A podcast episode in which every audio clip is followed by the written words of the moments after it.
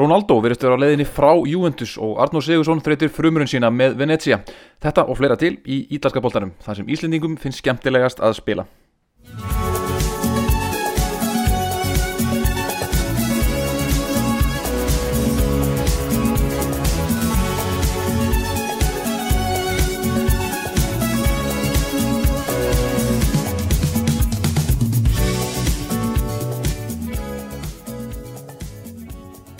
Já, stóra fréttir að berast frá eh, Torino um Cristiano Ronaldo.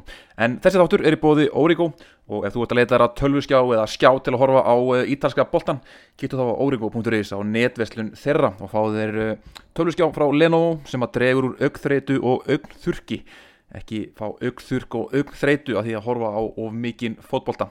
Lenovo umhverfisvænastir allra En við byrjum á fréttunum af Cristiano Ronaldo sem hefur tilkynnt það að hann vilji yfirgefa félagið og verist vera á leiðinni til Manchester City.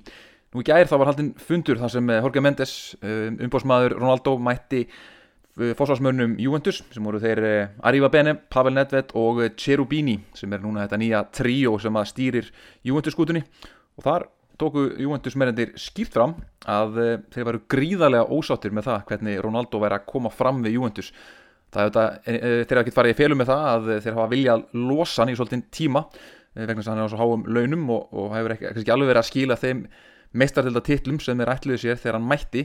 En þeir tilkynntunum það ekki er að þeim fannst gríðarlega ósangjart hvernig hann kom fram við félagið eftir að þeir eru búin að greið honum 180 miljónir evra beint í vasan, hafa komið fram með hann eins og kong, hafa veitt honum ákveðin forréttindi sem leikmanni, hann hefur fengið frídaga þegar hann hefur viljað og svo framvegis þá finnst þeim illa komið við á það að hann hafi tilkynnt þeim svona stuttu fyrir áður en glukkin lokaði. Og hann vilja allt í hennu bara ekki lengur spila fyrir Juventus og Tuttosport á Ítalju er með fyrirsögnuna Brutto Divorzio eða ljótur skilnaður. En e, það er líka tekið fram í frettinni að ef að tilbúð kemur frá Master City sem er búist við að koma í dag og tilbúð er ekki hlægilega látt þá munu þeir losan og það er talað um cirka 25 miljónir evra sem að tilbúið þarf að vera til að þeir eh, segi bara já, amen og senda hann til, til Manchester aftur. Uh, það hefur talað um hvað þeir munu gera þá í staðin því það getur þá losnað á hverði slott þarna í framlýninu hjá Juventus. Og það þarf að helst verið nefndið til leiks Mauro Icardi frá PSG Giacomo Raspadori leikum að Sassuolo sem varð, var auðvitað í ítalska Evrópu hópnum í sumar og Ruben Neves frá Wolves. Og síðan ætlaði líka bæta við sig Axel Witzel frá, frá Dortmund sem þetta miðjumæður en já, áhugavert fyrir Juventus, áhugavert fyrir Dildina að, að missa Ronaldo. Hann hefði komið sögu hann í fyrsta leik tímabilsins þar sem hann satt á bekknum og kom inn á og held hann eða skora segumarkiði upp á tíma en þetta verður þó sennilega hans það sem, að síðast sem hann gerir í Juventus treyjunni það er að skora mark sem er dæmt af og fagna með því að fara úr ofan og hyrða gula spjaldið. Nú, aðra fréttir frá Ítalíu, það er búið að draga í riðla fyrir mestaraldild Evrópu. Og þar endar, eru er, þetta ítölsk lið fjögur talsins. Uh, AC Milan lendir í bjeriðli með Atletico Madrid, Liverpool og Porto. Og það verður að teljast ansi ólíklegt fyrst mér að AC Milan sé að fara upp úr þessum riðli, með eftir allavega ekki vera favorites til þess. Nú í bjeriðli er Inter með Real Madrid, Shakhtar Donetsk og Sheriff uh, frá Transnistriu í Moldavíu. Geggjað að fá lið frá Moldaví í mestarleitt Európu og ennþá skemmtilega er að fá lið frá óviðukendum sjálfstjórnar héröðum í mestarleitt Európu. Það er ekkert nettara en það uh, og það verður að teljast líklegt að Inder fari upp úr þeim riðli þótt að Shakhtar Donetsk getur veittið mákvæmna samkeppni. Shakhtar Donetsk auðvitað rétt slefaði inn í keppnina með uh, sigri á Mónakó í umspilinu uh, Shakhtar Donetsk auðvitað með ítalskan þjálfara Roberto De Zerbi sem þjálfaði Sassuolo síðustu ár og fekk ekkert gig á Ítalju samkvæmt að hann geti skotið intermönnum referas í dýriðli meistardeldarinnar. Nú í F-riðli eru við með Villarreal, Manchester United, Atalanta og Young Boys og mér finnst nú líka Atalanta ansi líklegir þar. Villarreal auðvitað, Evropu sérfræðingar en mér finnst þetta consistency sem Atalanta hefur sínt síðustu ár og, og árangur þeirra í meistardeldinni held ég að uh, tryggja það að þeir fari upp úr þessum riðli og svo verður auðvitað Young Boys þarna á botninum. Og svo í H-riðli eru við með uh, Chelsea, Juventus, Zenit, St. Petersburg og Malmö. Malmö menn hafa sínt mikið karakter í umspilinu en uh, þeir eru auðvitað mættir hérna sem túristar. Chelsea og Juventus munur að fara uh, upp úr þessum riðli. Nú, aðra fréttir í vikunni frá Ítalju þetta það er að Andefana Baldursson gengið til liðs við mína menn hérna í Kaupmannahöfn FC Kaupmannahöfn og mun þar vera láni út tímabilið hann var í viðtali á fútbolti.net sem ég mæli með að þið kíkið á hann segir að þetta var gest hratt hann hafði þetta hann hafði þetta og Bologna menn líka búist við því að fleiri miðjumenn hjá Bologna hafa verið uh, eru þess að seldir í sumar en síðan náður ekkert að losa fleiri heldur en uh, Andrea Poli. Það var ekki mikið ploss fyrir hann þar og til að tryggja það að hann fái spiltíma þá er hann lánaður út til FCK sem eru þetta risaklúpur spilar með fyrir framann fullt, fullt á áhörvendum mikil stemning, gengur vel hefða núna þeir eru komnir í uh, í þessa þriðju nýju Európa-kjefni komnir í riðleikkeppnina þar og uh, byrja vel í dildinni þannig að þetta verður hörku ævindir í hjá honum hér. Uh, breytin á miðjunu hjá FCK er samt verið að taka fram ansi mikið líka þannig að hann er ekkit kannski komin í eitthvað mikið minni samkeppni svona að kemur að fjölda leikmanna heldur en hjá Bologna. En uh, ég veit að bind vonið við það að hann á að spila sig inn í, í byrjunlið og fín stökkvaldur fyrir hann að koma hingað á lán. Eitt tímabil hjá uh, FCK uh, því að þjálfvara Bologna hafa auðvitað ennþá trú á honum og hann er ennþá mjög ungur að aldri En nú ætlum ég að fara hans yfir fyrstu umferðina í ítalska bóltanum, fyrst uh, serju A, svo serju B, fara svo yfir eh, komandi umferð uh, núna um helgina og enda síðan á smá uppbytunum um kvennabóltan uh, á Ítalíu sem hefst líka núna um helgina. Nú en ítalski bóltin í ár hófst með fyrstu umferð síðustu helgi þar sem voru skoruð 36 mörg í umferðinni, fullt af rauðum spjöldum Þetta var uh, svo deild þar sem voru skoruð, þar sem stóru deildum í Európa þar sem voru skoruð flest mörg, 36 mörg, 27 í Bundeslíkunni, 25 í Premier League og 16 mörg í Boring, Boring La Liga þar sem enginn er auðvitað eftir sem getur skora mörg. En uh, umferðin hóstu auðvitað á leik uh, þeirra sem er að verja titilinn, Inter og Genoa. Og Inter vann örugan 4-0 sigur á Genoa og ef einhver hafði áhyggjur af Inter eftir að hafa seltið auðvitað Lukaku og Hakimi já, þá þurfti hann kannski ekki að hafa miklar áhegjur af þeim í þessum leik því að þeir völduðu yfir Genoa sem eru, eru engan veginn klárið fyrir tímabilið. Dzeko leika á allsóti uh, nýju leikmenninir komnir á blað.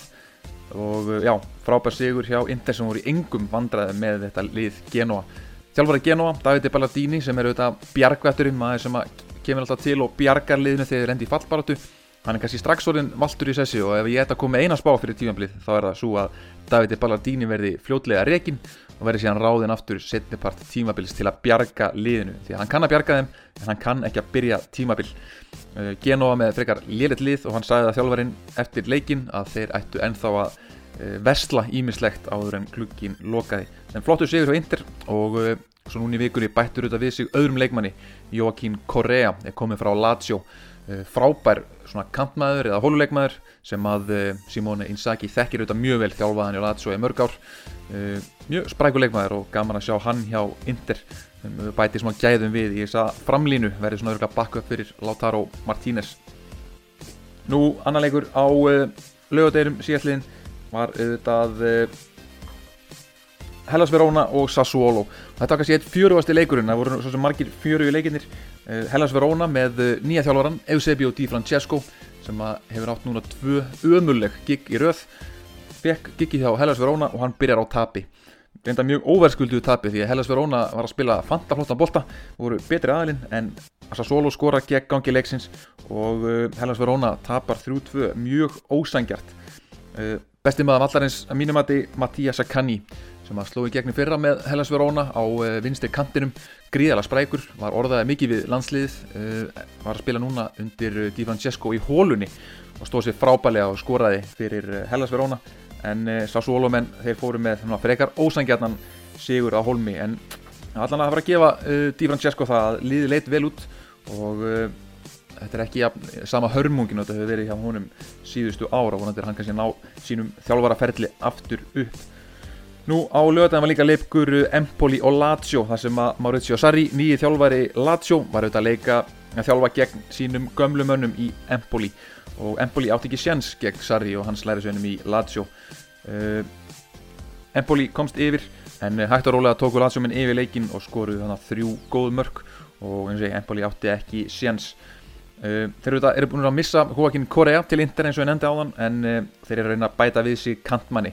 Þeir eru konið með Pedro frá Róma og núna vilja það fá Ricardo Ossolini frá eh, Bologna eða Jeremy Boga frá Sassuolo og þeir eru vantilega konum með eitthvað pening í kassan til að kaupa nýjan kantmann. Um, annar leikmaður sem var frábær í þessum leik sem ég held að passi fullkomlega inn í leikkerfi uh, Sarís, það er Manuel Lazzari, hægri bakurur uh, kannski eitt fljótasti leikmaður deildarinnar. Hann skoraði líka flott mark og verður gríðalega mikilvægur fyrir Lazio-liði þarna, það er, er enginn sem stendst hraðan sem að hann er með. Nú á lögataskvöldið mættu síðan Torino og Atalanta í leik sem að allir byggust við því að Atalanta menn myndu vinna. Torino búin að eiga lélegt undirbúinastíðanbill, voru næstum dotnir út úr byggarnum á mót einhverju neðrildaliði, uh, konum með nýja þjálfara en aftur ósangjart sigur þarna, Atalanta vann 2-1 með mark í uppbóta tíma. Atalanta komst yfir og síðan tók Tórin og gjössamlega yfir leikin áttu leikin með húð og hári og, og náðu síðan að skora jöfnunamarkið og voru að elda sigumarkið þegar uh, Roberto Piccoli ungi leikmaðurinn sem var að lána hjá Spezia í fyrra, hann kom inn á hjá Atalanta í framlýnuna og uh, skoraði sigumarkið dagger á 93. mínútu.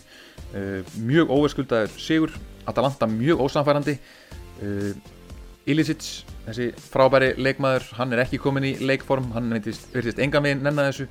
Lús Muriel skoraði flott mark í byrjun leiks og sá síðan ekki eftir það. Þannig að þetta var mjög ósamfærdi sigur hjá Atalanta og það finnst eins og að sé eitthvað sem vantar í þetta Atalanta lið bæði kannski sóknamann en líka á miðjuna. Það er eitthvað, það er eitthvað sem vantar í þetta Atalanta lið enn sem komið er. En sem leikur lið bara vel útfast mér hjá uh, Torino. Og það verður spennand að fylgjast með þeim. Og þeir verðast búin að svona hrista af sér þetta hennan ógjafu stimpil sem þeir voru með á sér síðustu tvö ár. Á sunnudaginn mættu síðan Bologna og nýliðar Salernitana sem er að spila sinn fyrsta leik í efsudeld í meir enn 20 ár og þetta var mikill barátuleikur, algjör þvæluleikur með uh, tvö rauðspjöld, um, ólíklegi markaskórar, þannig fyrir ekki þrjú rauðspjöld.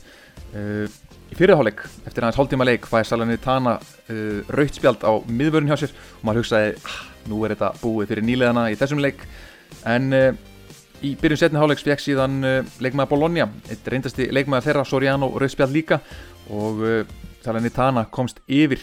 Uh, það var síðan varnamæðurinn Lorenzo De Silvestri, gamla brínið, 36 ára gammal sem að jafnaði fyrir uh, Bologna áður en Salernitana komst aftur yfir í leiknum.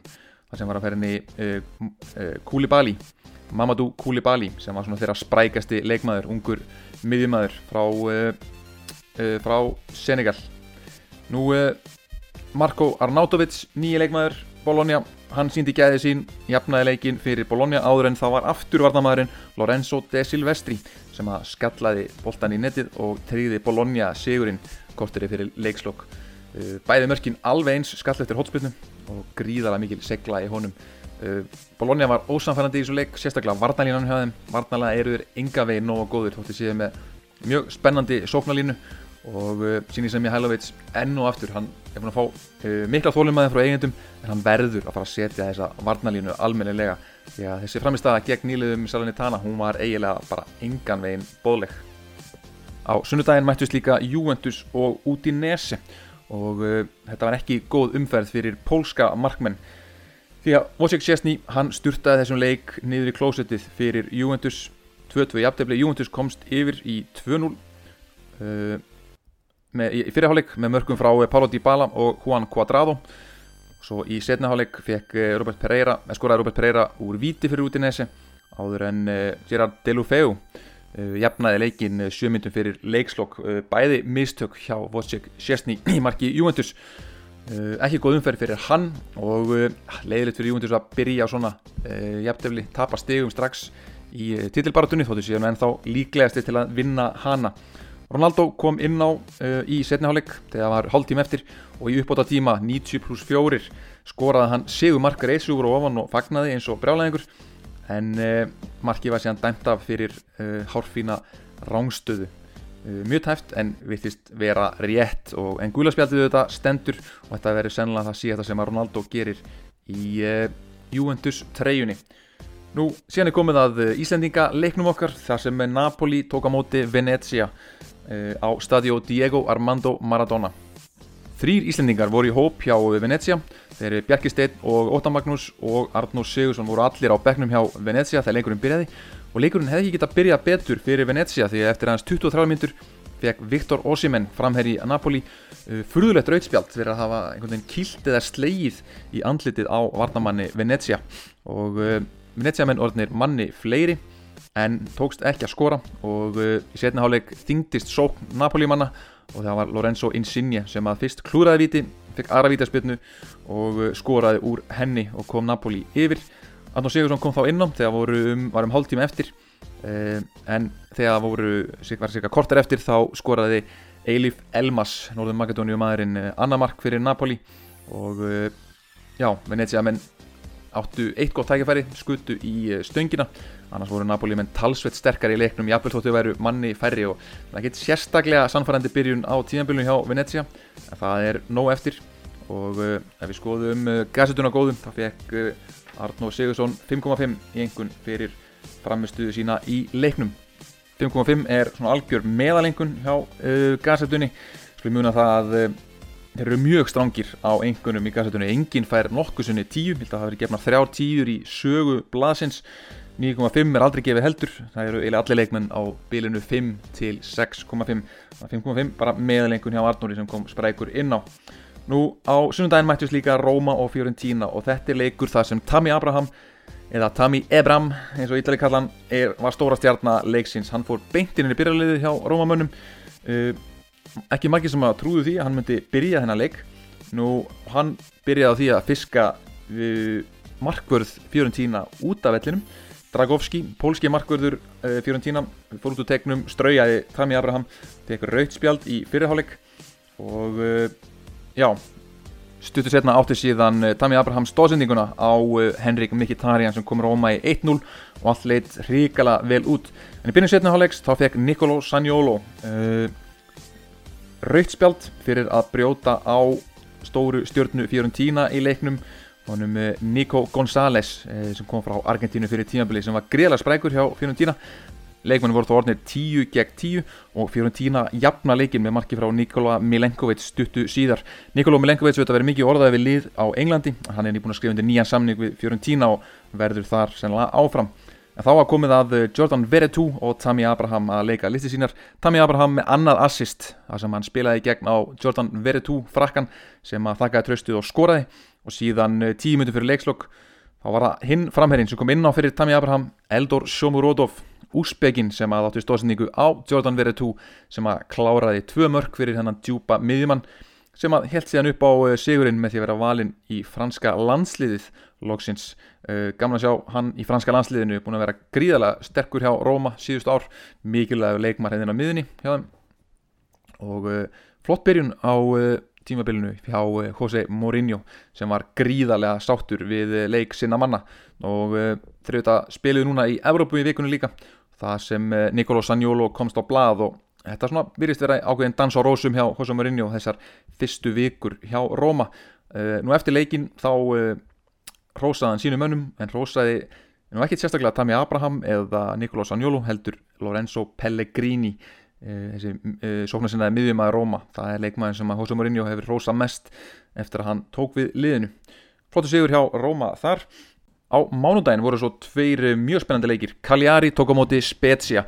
Spezia menn mættu með hvorki meira enn minna en 5 varamenn á bekkin og Ítalíu má þetta vera með 12 varamenn en þeir mættu með 5 mann á bekkin uh, undirbúinastímbilið þeirra hefur búið að vera hræðilegt. Þeir eru búin að spila einn æfingarleik uh, tvær COVID-bylgjur hafa skólað yfir uh, leikmannahópin á undirbúinastímbilinu þeir eru búin að missa fullt af leikmönnum vanta leikmenn en Tiago Motta þjálfari, hann galdraði í þessum leik. Hann held bara áfram það sem að Vincenzo Italiano byrjaði í fyrra og liðið spilaði frábælega hver einn og einasti leikmaður.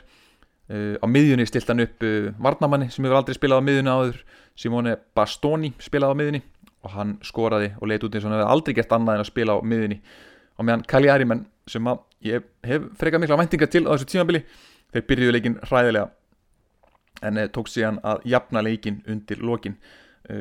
Helst varnalínan sem er vandamáli á Cagliari. Gríðarlega hæg vörn og Diego Godín hann er orðin gjössamlega bensínlaus. Eftir að hafa verið eh, aðalmaðurinn í Atletico Madrid fyrir þremur árum þá er hann núna komin í Cagliari og er nánast orðin eh, dragbítur á þetta, þetta Cagliari lið þannig að flott úslit hjá Spezia og uh, ef að Tiago Motta ætlar að galdra svona í all, allan vetur þá munir þeir aftur halda sér uppi á einhvern ævintýralan hátt. Nú á uh, mándaskvöldi var síðan kannski eitt skemmtilegsti leikurinn líka í umferðinni. Sampdoria 0, AC Milan 1 Seglu sigur hjá AC Milan, ekkert sérstaklega verðskuldaður því að Sampdoria menn hefðu fengu heldur betur færi Þetta er auðvitað fyrsti leikurinn hjá Mike Magnan, nýja markmanni AC Milan sem tekur við af Gianluigi Donnarumma sem er farin til PSG og Magnan, hann átti flótanleik það eru smá svona sprelleikosa taktar í honum, 2-3 uh, ögnarblik þar sem að mér fannst hann gera svona svolítið skrítna hluti en varði vel og með frábærar spinnur. Og maður sá það að AC Milan er búin að nýta tíman á æfingarsvæðinu í vetur í að nýta það hvað hann getur sparka langt því að þeir markið segja skora kemur eftir langt útspark og þeir fengur líka annað frábært færi það sem er einhvern veginn uh, já, er, voru búin að æfika svona æfingarsvæðis uh, uppspill með lungu útsparki frá markmanni og allt í nú var Rafael Leao komin einn í gegn og hefði átt að skora. Mikkel Damskort, stóra stjárna Sampdoria sem að þetta uh, stóð sér frábæla á EM í sumar, hann uh, var gríðalega góður í þessu leik og hann virðist vera the real thing og uh, Sampdoria menn býða ennþá eftir bara stóru tilbóð í hann því að hann mun ekki spila uh, mikið lengur hjá Sampdoria. Mögulega þetta tímabill en síðan verður hann seldur. Og Morten Túrsby normaðurinn á miðunni hefur líka mikið verið orðaðið við Atalanta og mér finnst mjög líklegt að hann farið þongað uh, það er, liðin er bara að semja um rétt verð. Uh, flotti Skandinavar hann, Damskort og Tórsby og svona helstu söluvörur þeirra Sampdoria manna. Þú þurftu að þóla 1-0 tap en eh, eins og segjum stóðu sig ágætlega og áttu, áttu skilið að jafna þennan leik. Nú AC Milan eru búin að bæta við sig fleiri leikmunum þeir voru að sæna ungan leikmann sem heitir Pietro Pellegri og það er aðtillisvett fyrir uh, frekar margar sækir. Pietro Pellegri er tvítugur, fættur 2001 hann er yngsti markaskorarinn í sögu serju A. Hann uh, skoraði fyrir Genoa aðeins uh, 16 ára gamall og tveggja mánada og er lang yngsti markaskorinn í sögu serju A. Hann uh, spilaði hérna nýju leiki fyrir Genoa, það tímabil skoraði þrjú mörg og var seldu til Monaco þar sem hann er búin að glíma við meðsli basically í þrjú ár. Er hann búin að spila 22 leiki fyrir Monaco á þreymur árum og skorað tvö mörg. Hann er stór og sterkur uh, strákur, mikið svona power forward og það sem ítalski fjölmeilar halda er að Zlatan Ibrahimovic sé kannski ekkit að fara að spila sérstaklega mikið í vetur því að þeir eru alltaf komni með Oliver Giroud sem átt að vera ákveði backup fyrir Zlatan. Og það þeir sé að líka núna að sækja annan svona stóran power striker. Það kannski bendir til þess að meðislinans Zlatan séu eitthvað verri en menn halda. Og menn kannski treystaði bara ekki að hann sé að fara að vera eitthvað mikið hill í sumar. Hann að Pietro Pellegri auðvitað ennþá svona ungur. Og ef hann næsir að þessum meðslum þá auðvitað getur hann ennþá flottan feril. En fyrirlin hans hefur ekki orðið eins góður á menn heldur þegar hann skoraði Eh, já, tvö mörg hérna aðeins 16 ára og tveggja mánada og ef maður skoða listan yfir yngstu markaskorara í sögu serju A þá verður að segja að það ef að ansi fáir að þeim átt einhvern alvöru svona stórkostlegan feril eins og búist var við. Pellegri er yngstur Kuma Babakar sem var þá hjá Fiorentina hann er næst yngstur Stefano Okaka sem eh, er núna út í Nese hann var þrið yngstur Richmond Boyake Moise Keane Amad Diallo sem er auðvitað komið til Manchester United Sebastiano Esposito leikmaður Inter sem er búin að vera á láni núna í nokkur ár Salvatore Foti, ekkert var úr honum Daniele Ragazzu, veit ég ekkert hver er og Mario Balotelli í tíundasæti þannig að þetta er nú ekkert uh, kannski ekkert uh, ekki mjög gæfulegt endilega að vera þessi yngsti markaskorarinn í sögu serju A en það eru ítalið svona almennt þekktir fyrir að gefa leikmönum uh, tröstið svona ansi seint. Það er ekkert oft sem að leikmönum fá tækifærið svona ungir Þetta var Serie A og eftir þessa fyrstu umferð þá var Inter á toppnum Róma í öðru seti, Lazio í þriðja og Napoli í fjórða en á botninu með þetta Genoa, Venezia næst neðstir, Empoli þriðja neðsta seti uh, og Fiorentina þar fyrir ofan. Nú uh, skulum skoða leikina núna um helgina.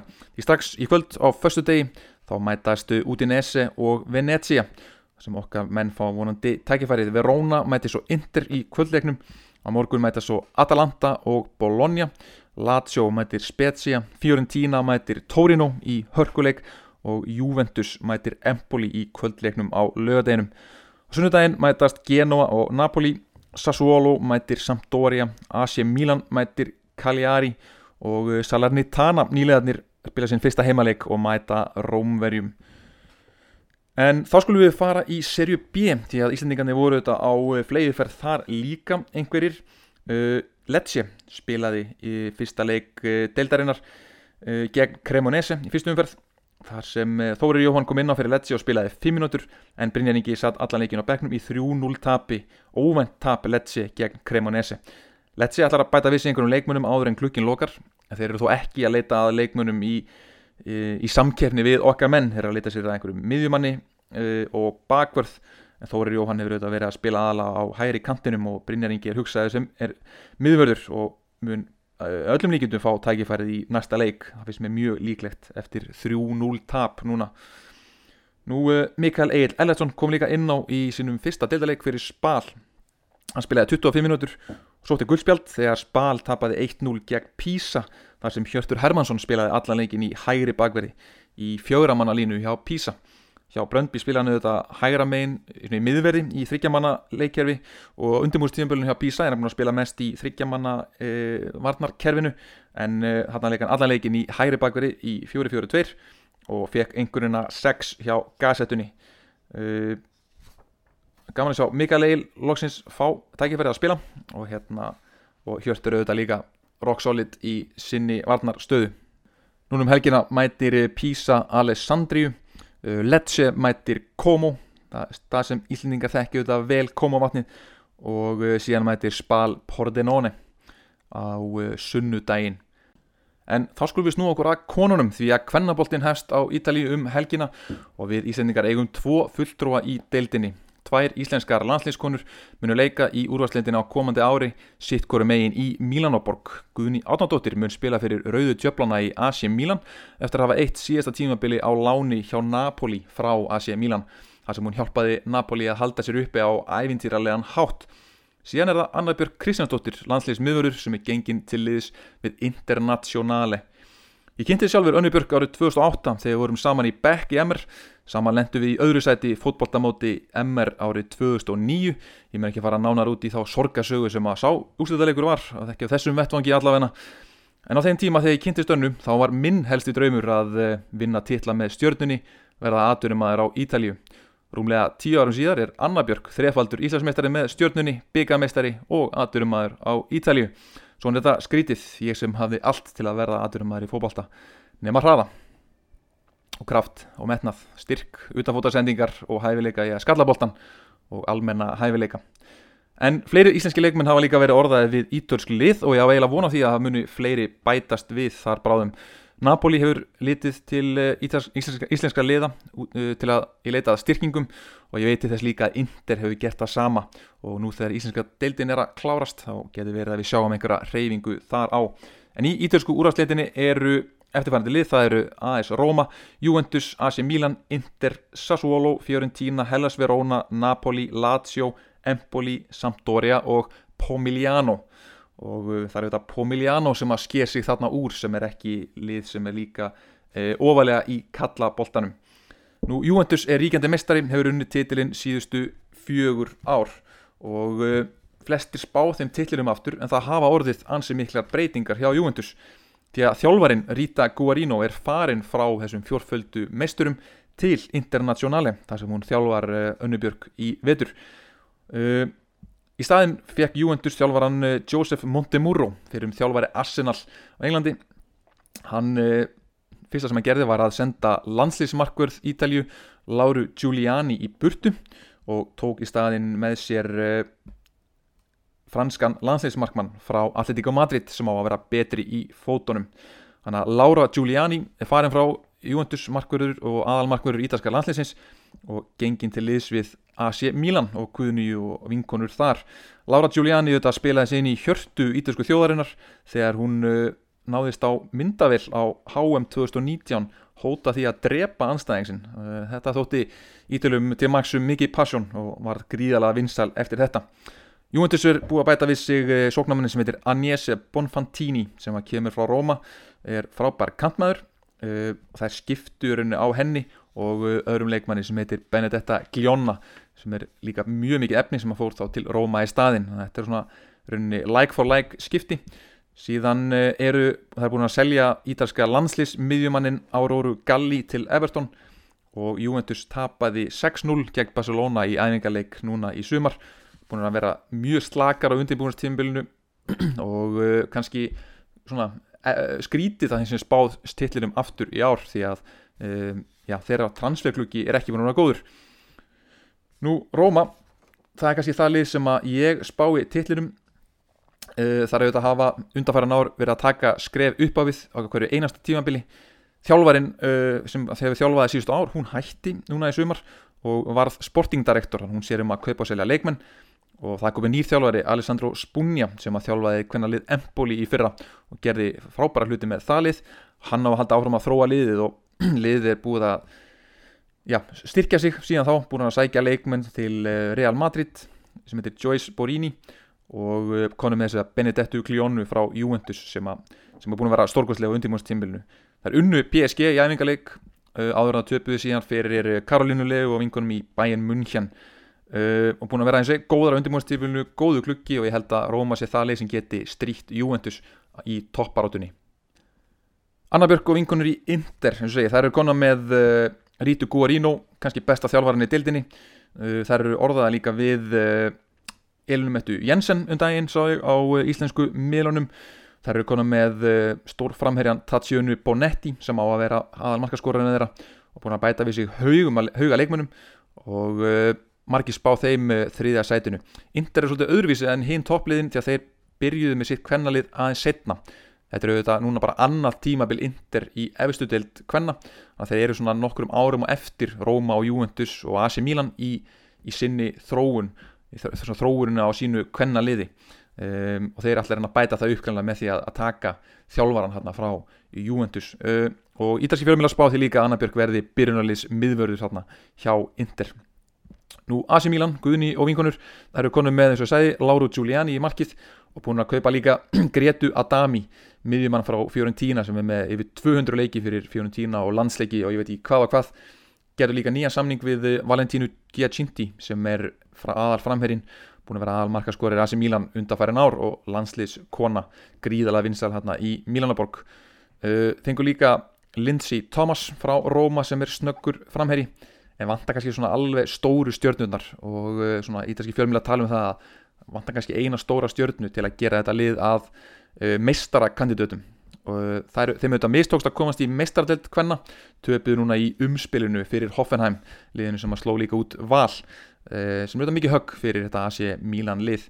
Og Gunni er búin að fá að spila á undirbúinstýmulinu, hún spilaði uh, leik í Európa-keppninni þannig að við getum búist við því að hún fái að spila í miðverðinum hjá AC Milan þar sem að spilar í þryggjamanna varnalínu Það bara að enda þetta á stuttir spá fyrir deildina ég spá því að Juventus vinni Róma verði í öðru seti AC Milan í þriðja seti Inter í fjórða Sassuolo í fymta, Fiorentina í sjötta Hellas Verona í sjöunda, Empoli í áttunda Sampdoria í níunda seti uh, Napoli í tíunda Lazio 11 og Pomigliano 12 Lazio og Pomigliano spá í að falli Ítalska kvennadeildin sem fyrir segir hefst um helgina og uh, sagt, Empoli byrjar á móti Róma í fyrstu umferð, Juventus Pomigliano, uh, Napoli mætir Inter í Napoli, fyrsti leikur Önnubjarkar og, og uh, félaga, Lazio og Sampdoria á sunnudaginn, AC Milan, Guðni og vinkonur mæta Verona á sunnudaginn, uh, Sassuolo mæti svo Fiorentina og klára þannig fyrstu umferðina.